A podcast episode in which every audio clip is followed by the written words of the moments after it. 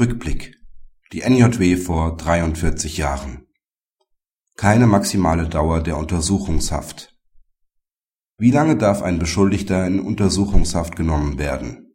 Eine absolute zeitliche Grenze der Untersuchungshaft gab es und wird es auch nach der Reform des Untersuchungshaftrechts nicht geben, schreibt Reinhard Michalke in seinem Aufsatz zur Reform der Untersuchungshaft (NJW 2010, Seite 17 in diesem Heft).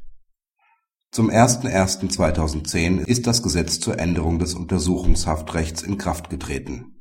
Infolge der Föderalismusreform werden nur noch bestimmte Bereiche, insbesondere das Ob der Untersuchungshaft, in der Bundeskompetenz verbleiben.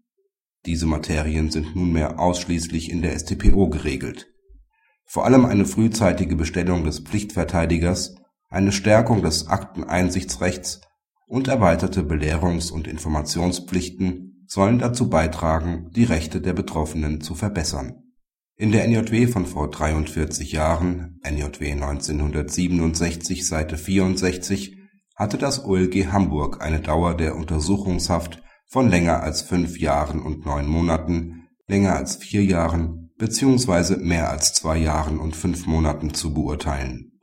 Für ein ausgewogenes Verhältnis zwischen dem Recht auf persönliche Freiheit und den Bedürfnissen einer wirksamen Verbrechensbekämpfung dürfe der Gegenstand des Verfahrens nicht unberücksichtigt bleiben.